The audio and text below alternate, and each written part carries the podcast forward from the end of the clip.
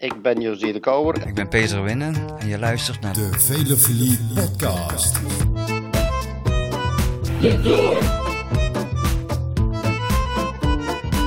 Oh là là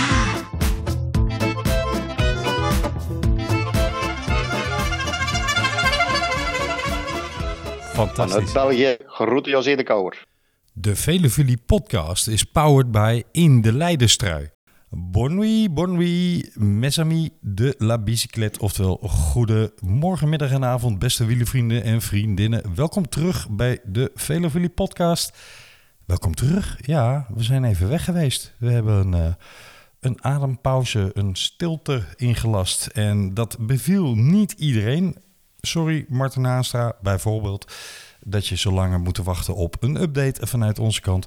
Maar soms staat het echte leven even in de weg. En dat was in dit geval het geval. Niet getreurd, we zijn er weer. En ik ben niet alleen. Ik heb weer mijn mesami de la bicyclette bij me. Jeroen, Wesley, welkom. Yes. Buonanotte. Buonanotte. Wesley hangt nog in de Giro-sfeer, hoor ik al. Nee, ik, vertrek dat- morgen naar, ik vertrek morgen naar Italië, dus dan ga ik nu niet opeens in het Frans beginnen. Je bent gewoon aan het oefenen. Ja, dat snap ik. Heel goed, heel Ja. goed. Lekker man. Waar ga jij? Eh Padova, waar de, waar de familie van mijn vriendin woont. Oeh, heerlijk. Nou, eh, geniet ervan. Maar dat gaat wel lukken, heb ik zo het idee. Kom niet te veel kilootjes aan en dat kan je volgens mij niet garanderen hè, met La Mama. nou, als er nog meer kilo's aankomen, dan kan ik rollen naar huis. Ja. Hey, ik wil even beginnen met een opmerking richting Maurits Lammerting. Jullie hebben vast wel gelezen en gehoord, Jeroen en Wesley, dat de, de scooter, geloof ik, hè, tegen Maurits Lammerting aangereden is. En dat heeft... Ben hem- van de stokken gereden? Ja, en dat, dat, dat heeft hem eh, eh, ja, zwaar schade toegebracht. En ik wil dus ook vanuit, denk ik ons alle drie, Maurits ontzettend veel sterkte en zijn familie veel sterkte toewensen. Herstel hopelijk volledig, Maurits. En eh, ja, mogen alles weer goed komen. Dat om te beginnen. Daar gaat deze uitzending verder niet over, want we gaan uiteraard, beste luisteraars, de blik richten op... ehm, hoe heet die wedstrijd ook alweer? Hmm, van, van, eh, van Frankrijk tot Andorra? Ja, het is, het, het is een- zo'n zo'n beetje obscuur rondje ergens in Frankrijk. Eh, ik vergeet altijd die naam. Oh ja, de Tour de France. Oh, ja. Ja, nou ja, kijk, ik snap dat je daar niet laaiend enthousiast van wordt, Wesley. Eh, ja, klein wedstrijdje. we staan een paar dagen voor de Tour. En eh, inmiddels zijn de meeste tourselecties rond. Zijn we van de grootste schrik bekomen wat betreft mensen die niet mee gingen doen. Bennett, Ja, faalangst of knie? Wat denken jullie? ik denk dat hij gewoon een verschrikkelijk oor aangenaaid wordt. Ja, ik denk... eh, Hij gaat weg en hij krijgt echt een schop in zijn rug van hier tot Tokio. Dat ik echt dacht, hey, Lefevre is een geweldige manager op het moment dat je in zijn ploeg zit. Maar wee, oh wee, als je weggaat, dan krijg je hem met een partij ongenadige klappen na. En eh, de vernietiging van George Bennett is alvast begonnen. Zo kwam het op mij over. Ik kan er niet gecharmeerd van zijn. Best ik Nee. zat er allebei bovenop door te vragen of, of, het ook, of je ook druk maakt om Sam Bennett. Wat zei ik dan? Zei ik George Bennett? George Bennett, ja. Oeps, Sam Bennett. Correctie, Sam Bennett. Ik ben er eigenlijk alleen maar blij mee, moet ik eerlijk zeggen. Ik, eigenlijk moet ik ook gewoon eh, jullie twee of drie kratten bier van jullie eisen. Ik zal, eh, na de opname zal ik mijn adres eh, doorgeven. Ehm, Kun je een molotov Want, cocktail eh, door je brievenbus krijgen? na de eerste keer dat eh, Kevin dus dit jaar won, zei ik in, tijdens een uitzending, hij gaat naar de Tour de France. En jullie zeiden, nee, nee, ja, Ronde van Turkije, dat is toch wel wat anders. Maar ja, maar we zitten nu eh, twee dagen voor de Tour de France en waar gaat Kevin dus heen? De ja, Tour. maar Wesley, Wesley, Wesley, Wesley, is dat bij gebrek aan beter? Of is dat bij volledige overtuigingskracht en heeft hij Bennett gewoon de ploeg uitgefietst? Nou ja, ik bedoel, de laatste maanden heeft hij toch beter gepresteerd dan Bennett. Zou jij in het geval beiden beschikbaar waren, beiden doorlopend contract hadden en beiden in vorm waren, zou jij dan de keuze zoals die nu gemaakt is maken of zou je dan toch voor Bennett gaan? Ja, dan ga je... Ik, ik ga hem even overnemen. Dan ga je voor Bennett. Alleen Bennett is, is sowieso niet in vorm, zeg maar. Dus dan, uh, ja, ik weet niet wat Wesley er voor de rest nog op te zeggen heeft.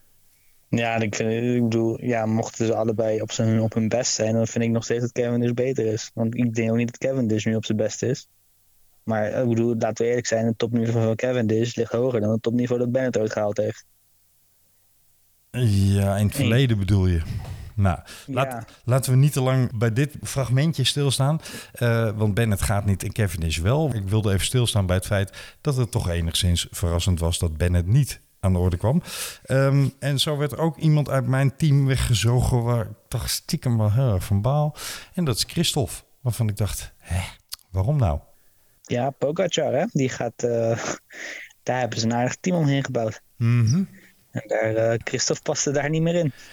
Nee, het schijnt toch ook wel dat Christophe weggaat. Hè? En uh, de geruchten gaan over Wanty Colbert. Dus het, Heel verrassend. Het lijkt een beetje alsof het uh, schering en inslag wordt in het wielrennen. Dat mocht je uh, weggaan, nou ja, dat je gewoon niet meer opgesteld wordt. Toch een beetje vreemde ontwikkeling. Jammer ook, als dat het geval is.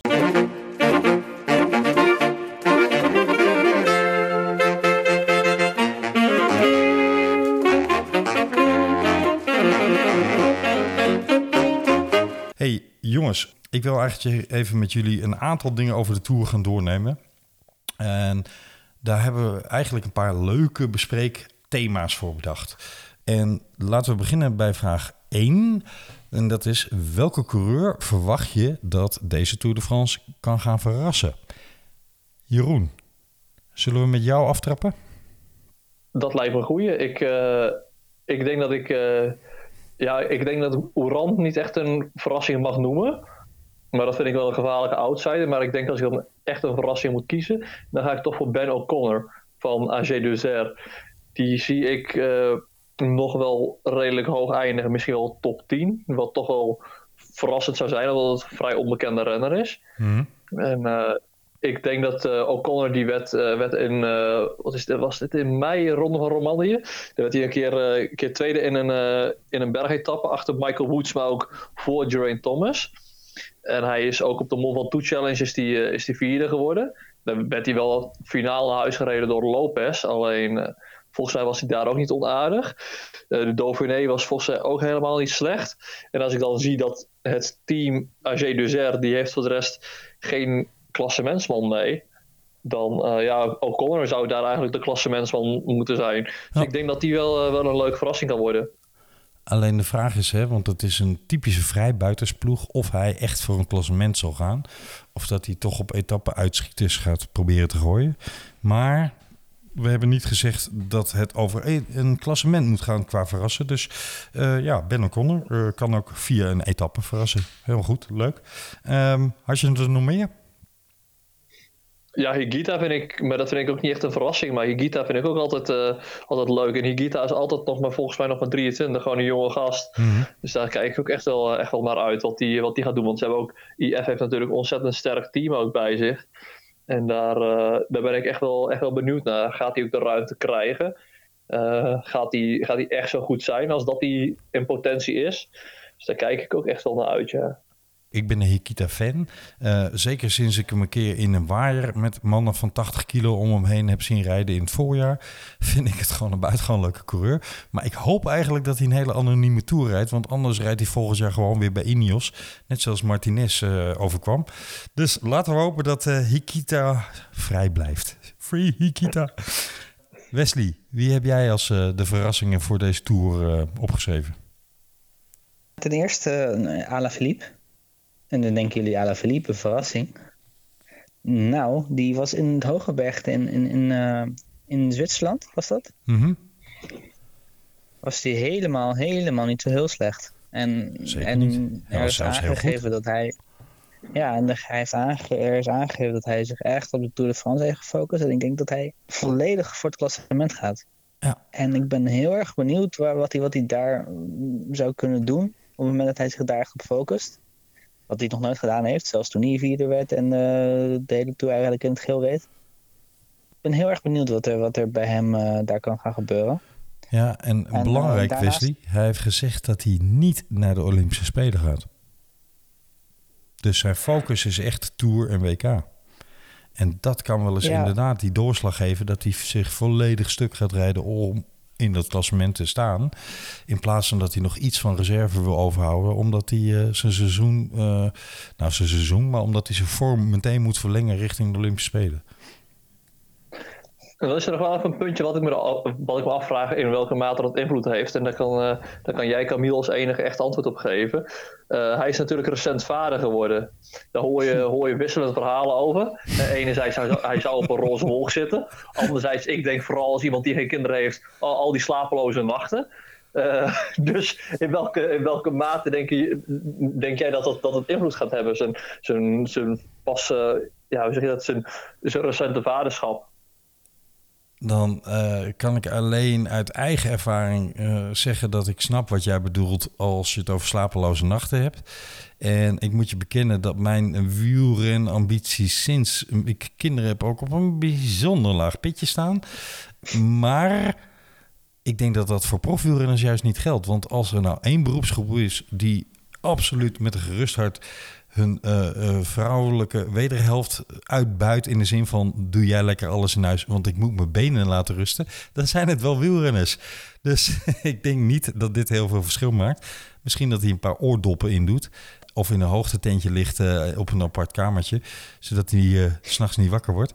Maar ik denk dat dat eigenlijk niet zoveel uitmaakt. En ik denk juist dat het voor hem, want hij heeft een zoon gekregen, Nino of Nino. ehm, ja, dat dat voor hem juist een eh, adrenaline stoot van hier tot Tokio, eh, of een testosteronstoot, wat het ook is. Maar dat hij, eh, dat hij des te harder gaat, gaat fietsen daarvan. Ik denk dat het positief werkt. Geldt voor, mij- geldt voor mij niet hoor. Dit, geldt, dit was dus over Julian Alaphilippe, beste luisteraars. Ik ben, ik ben er absoluut van achteruit gaan rijden, kan ik jullie vertellen.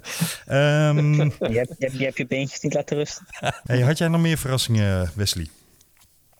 Ja, verrassing, eh, misschien een groot woord, maar ik ben heel erg benieuwd wat Ieder Schelling gaat doen. Zeker, ja. Die heeft het een heel goed voorjaar gereden en die heeft, eh, die heeft zich echt in de tourselectie eh, gereden. En dat is bij een team als wel echt knap. Het, het is niet een van de minste teams. Dus eh, ja, terechte selectie. En ik ben heel benieuwd wat hij daar, eh, daar in, dat, eh, in dat Franse land kan gaan uitvoeren. Zie jij nog een, En, een, een, bepaald soort etappes of een bepaalde etappe waarin je hem hoopt te zien? Of, Nou ja, er zijn natuurlijk wel gewoon een paar van die traditionele overgangsritten waarin je een type Schelling wel ja, maar die kans zou maken. Maar ja, dat, dat, niet, je hebt geen idee of, dat, eh, of, dat, of die daar de vrijheid voor gaat krijgen. Maar ik ben, gewoon, ik ben heel, gewoon heel erg benieuwd wel welk niveau hij gaat halen. Kan hij ook in het hoge bergte bijvoorbeeld met de beste 20, 15 mee? Mm, ik- Het is een, een jonge hond, een Nederlandse nieuwe renner. Ik ben heel benieuwd wat hij dan in de Tour de France kan. En daarnaast eh, Victor Kampenaerts. Ik ben heel benieuwd of hij eh, in de Tour de France zijn, zijn metamorfose nog meer kracht gaat bijzetten als eh, aanvallen puur zang. Die rijdt al erg veel koersen, toch? ja, Ja, maar die schijnt nu ook eh, te rijden. het lijkt hem wel goed Sorry? te doen, Jeroen. Oh, dat zeker. Ik, ben ook, ik, ik wil ook, ik wil ook geen, eh, geen azijnpisser zijn hoor. Maar eh, ik denk hij heeft ook een ronde van België gereden. Hij heeft de Giro weliswaar niet uit, maar wel, wel gereden. Maar ook niet onverdienstelijk natuurlijk met zijn etappenwinst. Maar eh, ik, ik, ben ook, ik ben ook zeker wel, wel benieuwd wat, wat Kampraats kon. Ik had hem in principe ook, eh, niet in principe, ik had hem ook, ik had hem ook op mijn lijstje staan. Maar eh, we- ja, we, we, we gaan het vooral zien hè. Ze- eh, Ja. Waarheid als een koe. Ik heb hoge verwachtingen in... Nou, nee, laat ik het anders zeggen. Ehm, ja, nee, wel. Ik heb hoge verwachtingen van Wilco. Wilco Kelderman. Ehm, en ik denk dat hij ons allen toch gaat verrassen. In die zin dat hij... eh, want wie het wielrennen volgt... weet dat hij best aardig in vorm is. Dat hij best aardig op zijn plek zit bij Bora Hans Kroo. En ehm, ja, dat hij best als kopman benoemd is binnen de ploeg. En dat er best een team om hem heen gebouwd is. En dat we dus misschien wel denken... nou, mocht hij een keer niet vallen... dan kan dat wel eens een leuke top 10 worden. Ik denk dat hij op het podium gaat komen. Als alles mee Podium? zit. Ja, podium of Ten jodium. koste, ten koste voor wie? Daar gaan we het later over hebben, want dat is een van de andere vragen. maar nee, ik, ik, ge- ik denk dus dat Wilco een prominente rol in deze Tour kan en zal gaan spelen. Dus ik heb hoge verwachtingen.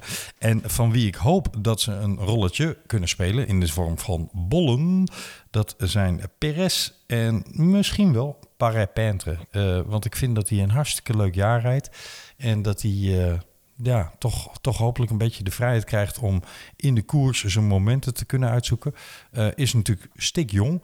Ehm, dus ja, hoe gaan die drie weken erin in, in tetteren bij hem? Heeft hij überhaupt nog wat over? Du moment dat we echt bergen tegen gaan komen in de Tour. Maar zowel dan voorzie ik dat hij een leuke etappe mee kan pakken... of dat hij toch aardig mee kan gaan draaien. Nou, kopgroepje of zo, weet je wel, zoiets. Ik kom vooral met je mee uh, met Kelderman. Zeker. Dank voor deze motie van wantrouwen, voorzitter. Uh, hey jongens, we gaan door naar de volgende vraag. Want als we het hebben over er zijn mensen die kunnen verrassen, ja, dan hebben we natuurlijk de keerzijde van die medaille ook. Namelijk, wie gaan er dan wel tegenvallen? Wesley, ik begin dit keer bij jou. Mag ik een heel team uh, hier uh, niet als je Movistar gaat zeggen, want dan kan ik er eentje van mijn lijst schrappen. nee, nee, nee. Ik, ik ben Movistar-fan. Ik ben, ik ben begonnen met de Netflix-documentaire. Ik, weet, ik vind het geweldig. Same, ja, ja. ja, maar jij zit nog bij seizoen 1, hè? ja, ja, en nu hebben ze allemaal Quintana gepest. ja, weggepest, oh. ja. Nee. Maar nee, je wilde een heel team noemen. Ga, ga uh, Ja, Trek Segafredo. Serieus, ja? Wat, ja, nou, ik, ik heb daarnaar gekeken. Mats Pedersen die heeft al maandenlang niks gepresteerd. Mats Pedersen? Ja, Jasper Stuyven is niet snel genoeg om sprints te winnen in de Tour de France. Dat werd Teuns ook niet. En dan heb je, dan heb je Mollema en Nibali, die ook eigenlijk al, ja, Mollema sinds het begin van het seizoen en Nibali heeft dit seizoen ook nog niet heel echt een deuk in een pakje boter gereden. Of ik moet nu ergens een Italiaanse wedstrijd over het hoofd zien, maar ja, maar, nou, dan, uh, dan excuses daarvoor. Maar, nee, heb je niet. Ik ja, zei nee. nee. Mollema die heeft uh, in de Giro ja, gewoon kwam echt tekort. Hetzelfde god voor Nibali. Nou, nu had Nibali wel een excuus, want die had zijn uh, pols gebroken een kwartier voor de Giro.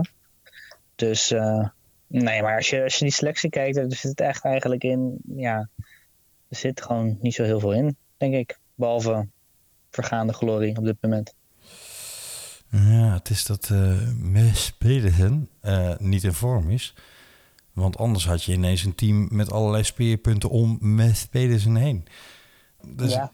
dat, ik snap je redenering en dat zou zomaar waar kunnen zijn. Het zou ook zomaar kunnen dat stiekem hier toch een verrassing uit naar voren komt. Hè? Dat ze toch beter rijden dan wij nu aannemen. Dat kan wat mij betreft wel alle kanten op met uh, Trek Zeker Vredo. Had je er meer? Zeker. Hirschi. Mm Die is ook, uh, ja, die draait een minder seizoen dan uh, vorig seizoen om maar een stevige uitspraak tegenaan te gooien. um, ja, die, die gaat nu mee als ja, een van de knechten van Pogacar. Terwijl die vorige tour was die misschien wel de renner waar we het meest van genoten met z'n allen. Absoluut. Hij vloog. Zeker. Ja, ja doet mijn wielen hard held eigenlijk naar wat er dan nu dit jaar van hem terecht moet komen in de tourploeg. Het is een, bedoel, het is een, blijft een raar verhaal, hè? Met die aanloop, die transfer, met, ja. met dat gedoe in het nieuws over, ja, wat is hier nou? Is hij rook? Is hij vuur? Het, het, ja, het, ik weet niet welke boterhammetjes hij tegenwoordig eet, maar hij besmeert ze niet meer zoals hij het vorig jaar deed. Nee, geen uh, pindakaas meer. Precies. Um, worden we gesponsord door Café uh, Camille of uh, is bij, dat nog niet zover? Bij deze roep ik Café op om ons te sponsoren ja. nu wij zo'n pleidooi hebben gedaan om pindakaas van Café op je brood te doen. Um, ik snap die Mark Hirschi, absoluut. Ga, ga zeker met je mee. Uh, al moet ik zeggen, zou je dat nog een tegenvallen kunnen noemen? Want is eigenlijk, we hebben niks van hem gezien. Het gaat alleen maar meevallen als hij iets van betekenis kan doen voor die ploeg.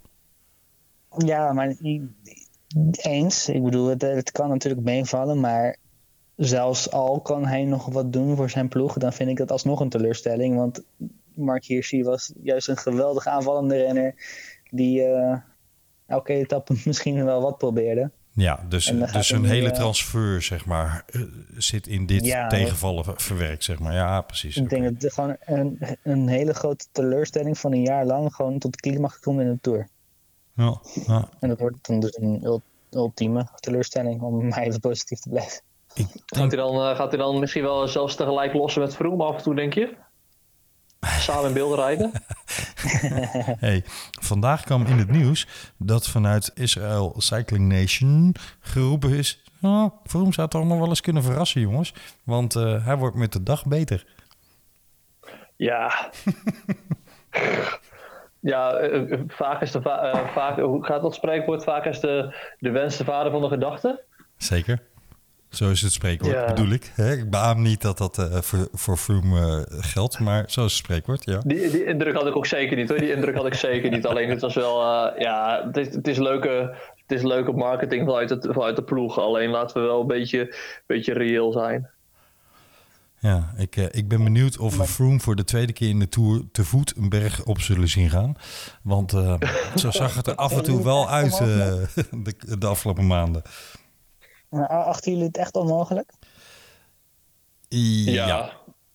Is er niks, geen, geen enkel stemmetje in, in, in, in jullie achterhoofd dat zegt ja, maar het is wel Chris Froome. Nou, als hij 300 inhaal, puffjes eh, op een dag doet, dan misschien. Maar nee. Volgens mij is die sinds, sinds die eh, twee jaar geleden zo hard is gevallen, is die geloof ik één keer ergens, ik meen 43ste geworden. En dat is dan zijn beste dagresultaat. Ja, dat, dat, dat- er zit gewoon te weinig in, zeg maar. En los van dat ik, ik gun het hem eigenlijk van harte dat hij het goed doet. Dat hij top 20 rijdt, top 10 misschien. Maar nee, ik zie hem echt gewoon bij geen enkel soort van poeltje zie ik hem puntjes binnenhalen van iemand. Ik eh, word in deze heel bent, jij graag gelogen geweest met gestraft. Corito, hè? Nee, dat, dat sowieso. Maar ik, ik, ik word Wesley heel graag gelogen gestraft door mijn verwachting. Alleen ik denk dat in dit geval, eh, ja, de, de, de, hoe moet je het zeggen, de realiteit weer barstiger is dan eh, de wielerromantiek. En dat dat inderdaad niet gaat gebeuren. Niet dit jaar en ik denk ook niet meer volgend jaar. Maar goed, laten we, laten we zien dat het anders is. In alle andere jaren had ik absoluut tegen Froome gesupporterd. Want ik ben helemaal geen Froome-fan. Maar met deze achtergrond zou ik het wel weer geweldig vinden... als hij een keer een goede Tour zou draaien. Dat zou, zo verandert dat dan weer. Hey, weet je wie ik eh, als team heb opgeschreven? Ik had het al verklapt, hè? Dat heb je net al verklapt. Ja. Zou dat iets van doen kunnen hebben met eh eh, El Diaz Menos Menos Pensado? Nou, ligt het, ligt het dan eh, ook een beetje eraan welke ploegleiders meegaan? Want als hij, hoe heet die, Nee. Chen- Chente? Dat maakt niks uit. Ze, ze zijn namelijk allemaal chaotisch met elkaar. Ja, maar die, die Chente die, die spant wel de kroon volgens mij. Die is alleen maar benga benga aan het roepen en ondertussen een beetje verwarrende informatie strooien. Nou, je En die weet, kreeg daarover voor betaald, hè, schijnt. je weet, Jeroen, dat ik met alle liefde en plezier tekeer ga over het, het, het jargon en het genre aanmoedigingen wat de meeste DS'en, directeuren sportief, in kunnen brengen. Dat is namelijk nogal van platitudes afhankelijk. Eh, eh, Kom aan, hè, kom aan, hè. Ik- En alles nu, en alles. Kom aan, hè. Het is nog maar vijf kilometer naar de finish, weet je wel. Dat soort teksten. Dus ik denk, ja, die bordjes kunnen ze zelf ook lezen. Ehm, ja, je, je schijnt wel half hersendood eh, zo'n berg op te fietsen als je in een profpeloton rondrijdt. Zo leeg ben je. Maar dat bordje kunnen ze echt nog wel meekrijgen.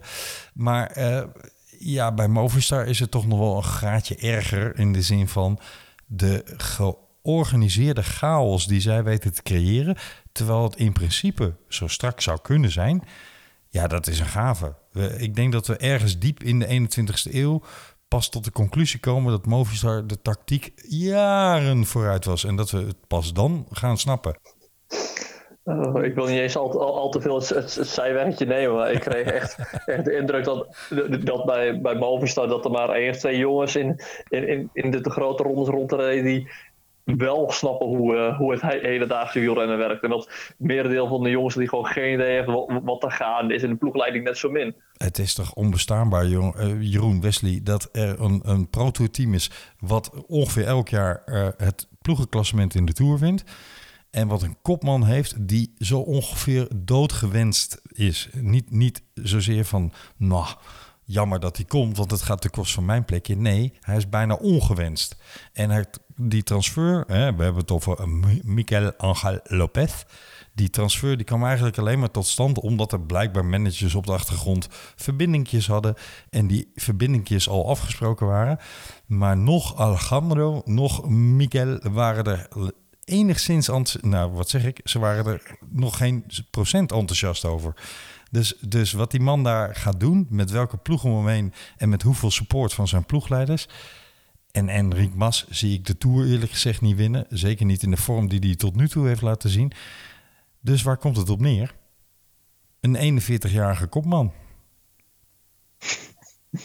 Ja, die, heb je hem gezien de laatste maanden? Dit was, uh, die hij gaat over een aardig niveau, hè? hij is goed. Ja, hij is, goed. hij is wel goed. ja, dat, is, dat, is, dat is toch een godspeur? Kijk, dat Chris Horner de Vuelta wint op zijn 41ste in 2013. Nou ja, daar heb ik ook nog wel mijn vraagtekens over. Maar dat... dat nota bene Movistar met, met als speerpunt uh, ja, Angel Lopez op papier. Maar ik denk dat hij gewoon de support van het team niet krijgt. Dus dat het er weer van verder moet gaan afhangen hoe die ploeg in elkaar steekt en aan elkaar hangt. En of de ploegentactiek nou wel of niet goed uitpakt. Ja, dat kan toch niet, jongens? Maar dat betekent ook gewoon dat er nog gewoon hoop voor jou is, hè, Camille? Dank je. dat is motie 2, hè? Ja, ik, jij ik, moest... ik, hou de stand bij. hey, we, gaan even door, want ik heb nog wel een, een, een bommetje in, in, in deze categorie te gooien, mannen. Um, ik heb een naam waar jullie niet blij van worden dat ik hem ga roepen, maar ik ga hem wel doen. Weet je wie ik denk dat gaat tegenvallen? Kom door. Wout van Aert. Ik heb hem keihard in mijn team zitten omdat ik van ganse harte hoop dat het andersom is. En omdat ik denk dat Van Aert toch nog wel een goede tour kan rijden richting het eind van de tour. Hij heeft zelf aangegeven bij Sportza dat hij niet op punt is. Dat hij door die blinde darmontsteking die hij gehad heeft en het medisch ingrijpen daarvoor noodzakelijk. Ja, gewoon echt een conditionele tik gehad heeft. Tien dagen niet heeft kunnen fietsen en de afgelopen tijd eigenlijk alleen maar heeft moeten werken aan het terug krijgen van uh, ja, wat hij kwijtgeraakt is door die ingreep. Hij heeft niet speciaal op puntje kunnen uh, trainen. Hij heeft niet speciaal op die net extra versnelling in een sprint kunnen trainen. Hij heeft eigenlijk alleen maar aan conditieopbouw kunnen werken. En ik vrees, ik vrees, ik vrees dat zijn rol, uh, ik wil niet zeggen marginaal, maar uh, ja, niet die van vorig jaar gaat evenaren. Ik hoop van harte dat het niet zo is, maar ik vrees het wel. Ik moet zeggen dat ik hem mijn team heb uitgegooid. Nou, dat snap ik eigenlijk wel. Dus ik ja, ben het wel ergens met je eens. De prijs speelt ook wel mee, moet ik zeggen. Maar uh, ja, hij wordt toch wel even Belgisch kampioen. Dat, um, dat was dan wel weer zo, hè? Ja. ja, en hij klopt daar ook gewoon teuns in de sprint. Oh. Dat is ook niet de langzaamste. Oh. Dus uh, ik, ik snap, ik snap echt wel wat je zegt hoor. En uh, ik, ik heb nu ook niet voor niets het team uitgegooid. Maar. We, hij... Zal ik onderbouwen waar het op gebaseerd is? Um, iedereen had natuurlijk de verwachting. Het wordt een strijd tussen. Uh, in het openingsweekend. Tussen Van Aert. Tussen Mathieu van der Poel. Tussen Julia Alaphilippe en misschien met een beetje mazzel een figuur als Cobrelli of wat dan ook. Hè? Maar het, het, het wordt echt een kei mooi weekend om mee te openen, omdat het ja, toch een beetje die grote drie gaat zijn. Daar gaat Wout niet bij zitten in deze vorm, vrees ik. Dus dat is, dat is speerpunt nummer één wat wegvalt. Voor groen gaat hij niet rijden, want dat is gewoon met de ploeg afgesproken. We gaan dit jaar nog niet voor groen. En ik denk niet dat hij uh, ja, daar gaat toekomen dit jaar. Hij gaat zich niet in elke sprint gooien, heeft hij zelf ook al gezegd. Blijft over zijn sleurwerk in de bergen van vorig jaar, wat zo verschrikkelijk indrukwekkend was. Maar hij klimt, naar eigen zeggen, gewoon minder goed dan vorig jaar. En dus zijn er een paar nou ja, overgangsetappes waar hij een sprint zou kunnen doen. Of waar hij uh, uh, zou kunnen proberen met een groep mee te springen. Maar ja, je weet hoe het gaat met aanvallers in je ploeg opnemen er is geen pijl op te trekken. En, en eigenlijk is het advies altijd: neem geen aanvallers in je Scorito-team. Want hè, uh, je scoort er geen punten mee als je ze opstelt. En de dag dat je uit je team hebt, laat ontsnappen ze.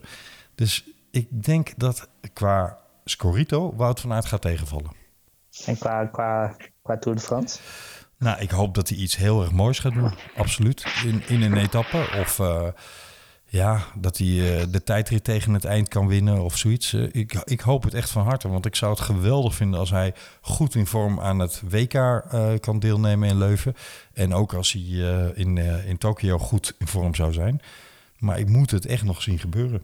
En ik hoop wederom dat ik gelogen straf word. Daarom heb ik hem nog in mijn team. Maar ik ben bang voor.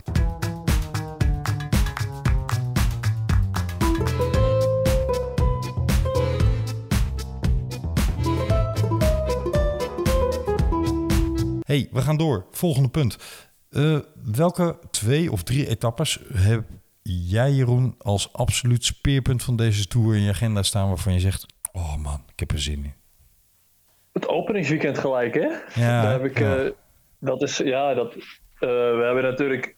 Eigenlijk worden we dit jaar als wielerliefhebbers worden we wel verwend. We hebben gewoon misschien zelfs wel drie keer een openingsweekend. We hebben natuurlijk het traditionele openingsweekend, dat gelukkig weer terug was. En uh, nu krijgen we in de Tour de France krijgen we, dat, krijgen we die ook. En dan misschien zometeen in het najaar richting de, het najaarsblok met het WK in Parijs-Roubaix. Maar ik denk dat we nu weer een, uh, opnieuw een, uh, een openingsweekend gaan krijgen. Ja. En daar, daar kijk ik echt wel naar uit. Volgens mij wordt het ook slecht weer. Dus ook niet heel verkeerd. En heb je, hebben we volgens mij op, op zondag hebben we de muur de Bretagne. -hmm. Ja, daar, uh, daar uh, kijk ik wel stiekem. Nee, niet stiekem. Daar kijk ik, vers, daar kijk ik flink naar uit, ja. ik, uh, ik dat moet... komt er niet heel soepel uit, maar daar kijk ik wel echt naar uit, ja. Ik moet altijd als ik Muur de Bretagne lees, zie of hoor, terugdenken aan dat moment van Tom Dumoulin in 2018. Reed lekker en um, daar ging ongeveer alles fout wat fout kon gaan. Tom stond aan de rechterkant van de weg en was daardoor moeilijk bereikbaar vanuit de ploegleidersauto. Dus dat nam al te veel tijd in beslag. En toen dat moment dat Laurens ten Damme op een maand wachten was... en, en te laat op een maand wachten was, waar dat ook wel lag. Maar toen hij uiteindelijk op een maand wachten was om hem terug te brengen... finaal voorbij gereden werd door Tom. en, gewoon spontaan meteen gelost was. En ook echt nul, nul waarde had in het terugbrengen van Tom in het peloton op dat moment. Dat je echt dacht, oh jee, hier gaat het echt al gevaarlijk al mis.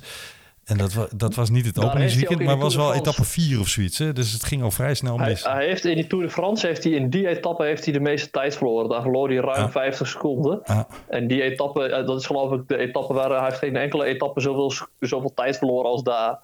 En ik weet niet dat hij uiteindelijk in Parijs tekort kwam op, uh, op Geraint Thomas. Maar uh, was het niet iets van een minuut? Ja, zoiets hè? Ja. het is wel een dure, dure etappe geweest daar, ja. Absoluut. Ja. Maar goed, ik, ik denk dat we nu vooral uitkijken naar de grote twee, grote drie. Uh, wat eigenlijk het ook al benoemd werd. De, de mannen die het normaal gesproken ook wel in, het, in de klassiekers kunnen doen. Dus daar, uh, daar kijk ik zeker naar uit. En dan ga ik eventjes waarschijnlijk het gras voor de voeten van een van jullie wegmaaien. Uh, etappe 11. Dat is uh, twee keer van toe. Daar kijk ik ook wel naar uit, ja. Echt waar? Hm, snap ja, ik niks van. Wel een beetje. Nee, is, is toch, toch redelijk vreemd, hè? Ze gaan Overs van beide kanten op. Overschat bergje, joh. Echt. Ja, ja, ik... Uh, Even een gewetensvraag tussendoor. Jeroen, Wesley, hebben jullie de Van Toe wel eens gereden? Nee, ik ben, ik heb, ik, ik ben nog nooit uh, een, een hele berg op gefietst. Aha. Nee, ik, ik evenmin. En ik ben ook nog nooit in Frankrijk in de bergen geweest. Hmm, ik heb uh, veel bergen gefietst. En uh, de Van Toe was een van die smerige jongens waarvan ik altijd een soort van trauma overgehouden heb. Uh, omdat ik zo gigantisch, gigantisch, gigantisch naar de kloten ben gegaan op die berg. Omdat ik hem toch een tikje onderschat had. En dat is met name voor mij geweest het punt dat je in het bos rijdt waar het soms heel warm kan zijn en ook nog vies aan het stijgen is, maar je toch op een of andere manier denkt, ja, hier kom ik wel doorheen. En dan op een gegeven moment uh, rij je dat bos uit en dan is het in het begin nog te doen. En op een gegeven moment gaat die wind toch ongelooflijk van rol, uh, een rol spelen en van belang zijn. En als je dan in je eentje zit en je hebt geen beschutting van ploeggenoten om je heen of wat dan ook. Ja, ik ben daar, uh, geef ik heel eerlijk toe, uh, ridder te voet geworden. Um, op, op meer dan twee momenten. Omdat ik dacht, ja, die wind wint. Dus ik heb, ik heb hele vieze herinneringen aan de mol van toe. Hij heet niet voor niet zo. En uh, Le, Croix, uh, Le Croix is er bijvoorbeeld ook zo eentje van. Uh, kan ik ook heel slecht mee. Maar daarom kijk ik er inderdaad ook graag naar uit. Ja. Want nou, dan kunnen we eigenlijk wel gelijk een beetje doorkoppelen. Waar jij zegt al dat je er ook al, ook flink naar uitkijkt. Dus er zijn nog andere etappes waar jij ook naar uitkijkt, Camille. Ja, absoluut. even los van het feit dat ik heel blij ben dat we weer iets meer TT-kilometers hebben. Want ik ben echt een tijdrit-fan ik kan zo genieten als ik die Canna bijvoorbeeld op dat glimmende monster van hem zie rijden. Met die lak die zo in de zon verandert van paars naar groen naar metallic grijsachtig enzovoort. Geweldig. En dan zijn er ook mensen die dat saai vinden. Serieus waar. Uh, dat kun je met duct tape dichtplakken. Hè? Dat waar dat geluid uitkomt dat het saai is, zeg ik dan. Um, maar goed, dus de TT, uh, eh, twee etappes. Ik ben blij dat er iets meer uh, belang aan de TT gehecht wordt dan in voorgaande jaren in de Tour. En waar ik eigenlijk heel erg naar uitkijk, los van het openingsweekend en los van Van Toe, is een hele aparte etappe. En dat is etappe 15 omdat we een heel spectaculair potje gaan dalen richting de finish daar. En ik, ik heb daar gewoon veel zin in. Ik hoop wel dat het allemaal goed gaat. Hè? Dat er geen vieze valpartijen zijn. Dat er geen mensen zo extreem voor ritwinst aan het proberen te rijden zijn. Dat ze bochten uitvliegen of wat dan ook. Dus dat soort spectaculair hoop ik niet te zien.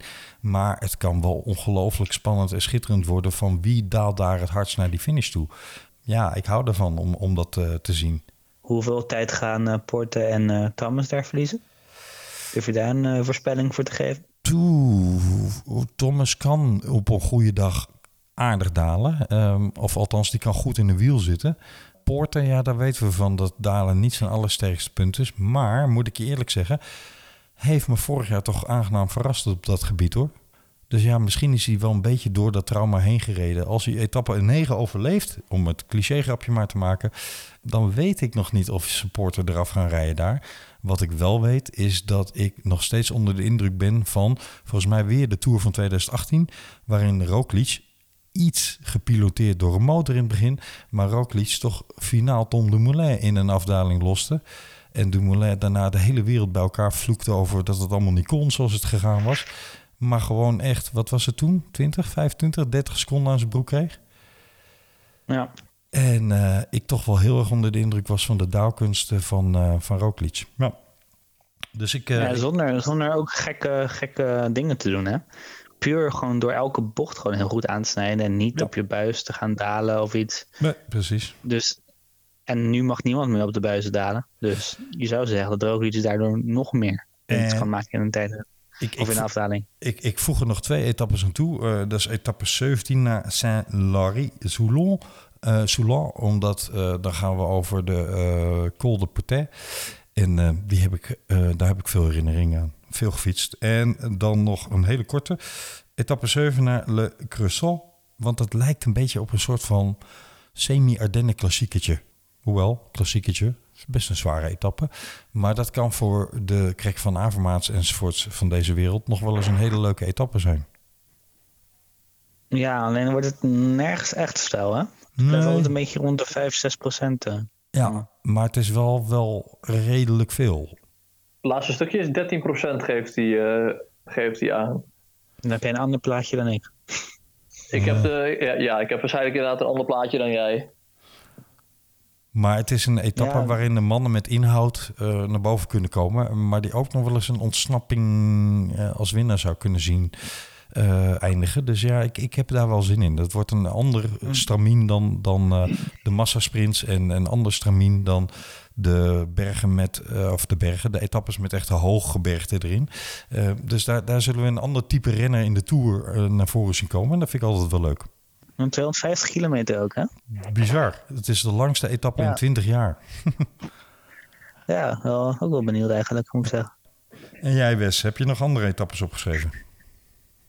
nou, Jullie hebben het hele tour al benoemd, joh. dat is ongeveer wel, hè? Zullen we dan gewoon naar het volgende punt doorgaan? Of zeg je, ik heb toch nog één nee, highlightje? Ik, nee, ik, positieve jongen die ik ben, wil, wil toch eventjes klagen. Nou. Die laatste etappe. De 21ste etappe over de Champs-Élysées. Doe daar nou eens een keer wat mee, jongens.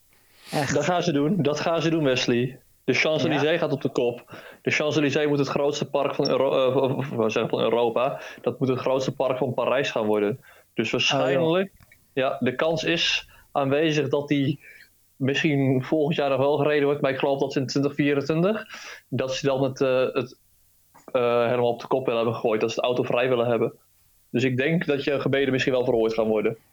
Ja, nou ja, als ze dan alsnog grote fietspaden gaan organiseren daar, dan eh, ben ik Ja. er nog steeds bang voor. Maar Want Parijs is Eh. best wel bezig met het autoluw maken van de stad en, eh, en fietsvriendelijk maken. Dus daar zou je nog best eens een terecht punt eh, kunnen noemen, Wesley. Ja. ja, nee, ik, ben, ik, ik zou er blij mee zijn hoor, want ik, vind- ik vind het echt verschrikkelijk. Ik bedoel, een keertje zo een etappe in de, in de drie jaar of zo, oké, weet je. Dan, eh, die, die, die renners die hebben ook eh, een eh, zware drie weken achter de rug. Laat ze maar dat glaasje champagne drinken. Maar ik bedoel, altijd hetzelfde. Altijd weer, eh, weer die foto's en dan eh, een uurtje hard rijden op de Champs-Élysées. Weet je, je kan daar echt nog een, iets, iets een spektakel van maken. Organiseer gewoon weer een tijdrit over, dat, over, over die straten daar. En eh, Ik neem jou mee, Wesley. nog, eh, Ik onderbreek je en excuus daarvoor, maar ik neem jou mee, want je noemde het woord spektakel en anders is dat punt voorbij. Naar 1979 en een gele tijddrager genaamd Bernard Hinault en een uitdager in die tour die op de tweede plek in het klassement stond, genaamd Joop Zoetemelk, die met z'n tweeën het hele spul op een hoop aan het rijden waren op de Champs-Élysées. Het kan wel. ja, En vraag aan Liewe Westra dat die laatste etappe absoluut nog een verschrikking kan zijn. ja, maar ja, dit zijn uitzonderingen die de regel bevestigen. Zeker. Meer voorbeelden had ik ook niet hoor. Dus ik had, ik had Nee. gehoopt je nu overbluft te hebben. Maar ik geloof dat, ik geloof dat Vinokorov, laten we zeggen, begin, ja, eh, 15 of 20 jaar geleden heeft Vinokorov, meen ik zo uit mijn, uit mijn hoofd, heeft hij nog een keertje geflikt om het peloton voor te blijven. Maar voor de rest is het eigenlijk al zolang ik me kan herinneren, zolang ik Tour de France kijk, dat is vanaf pakweg eh, eind jaren 90, kan me niet anders herinneren dan dat het gewoon sprinten op de Champs-Élysées is. tuurlijk, WK sprinten. Maar dat heeft ook zijn charme. Alleen die lange aanloop er naartoe is verschrikkelijk saai. Ehm, dus ik snap al wat Wesley bedoelt. Maar dat is toch een mooi moment waarop heel veel eh, sportprogramma's enzovoorts al min of meer aan de analyse van die tour eh, slaan. En dus ja, komen we ook die tijd wel door. Sommige tradities zijn er, ondanks dat er misschien betere alternatieven zouden kunnen zijn. Mijn pleidooi is al jaren, doe nou gewoon een tijdrit op de slotdag. Fantastisch, heerlijk. Maar ja, Ja, dat, vindt ook weer niet iedereen ja. geweldig. Dus eh, komen, ja, of- komen we waarschijnlijk in deze uitzending niet uit, mannen.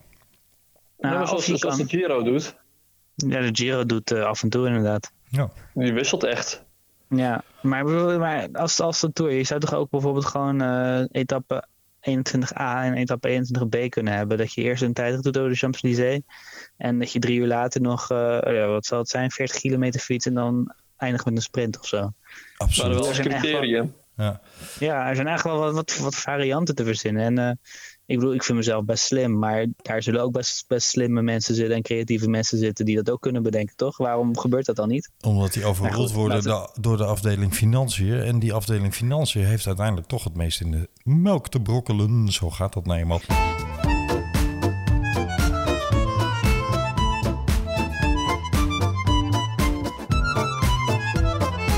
We gaan door, ehm, want we hadden de naam Vinokorov eh, al eh, voor in de mond. En daar hadden ze bij zijn eigen ploeg vandaag ook last van. Het is namelijk 24 juni en dat is de dag van het einde van Vinokorov bij Astana. Bye bye. Ja, dus officieel, officiële verklaring is dat ze hem, dat ze hem niet hebben ontslagen, maar dat hij, dat, dat hij eigenlijk gewoon gedegradeerd is. Daar komt het, eh, komt het in praktische zin op neer. Hij maakt nog wel deel uit van het team, alleen hij heeft, eh, eh, ze hebben hem niet meer in functie eigenlijk. En hij zat al in het hotel met de ploeg hè, in Frankrijk. Mhm. Ja, Mhm. ja. Ja, Jeroen, ik, eh, ik, ik reis ook wel eens af naar Frankrijk met een heel team. En dan eh, heb ik eh, daar toch niks te zoeken, zeg maar. Nee, dat gebeurt regelmatig. Ja, het, het, het, het stinkt, hè?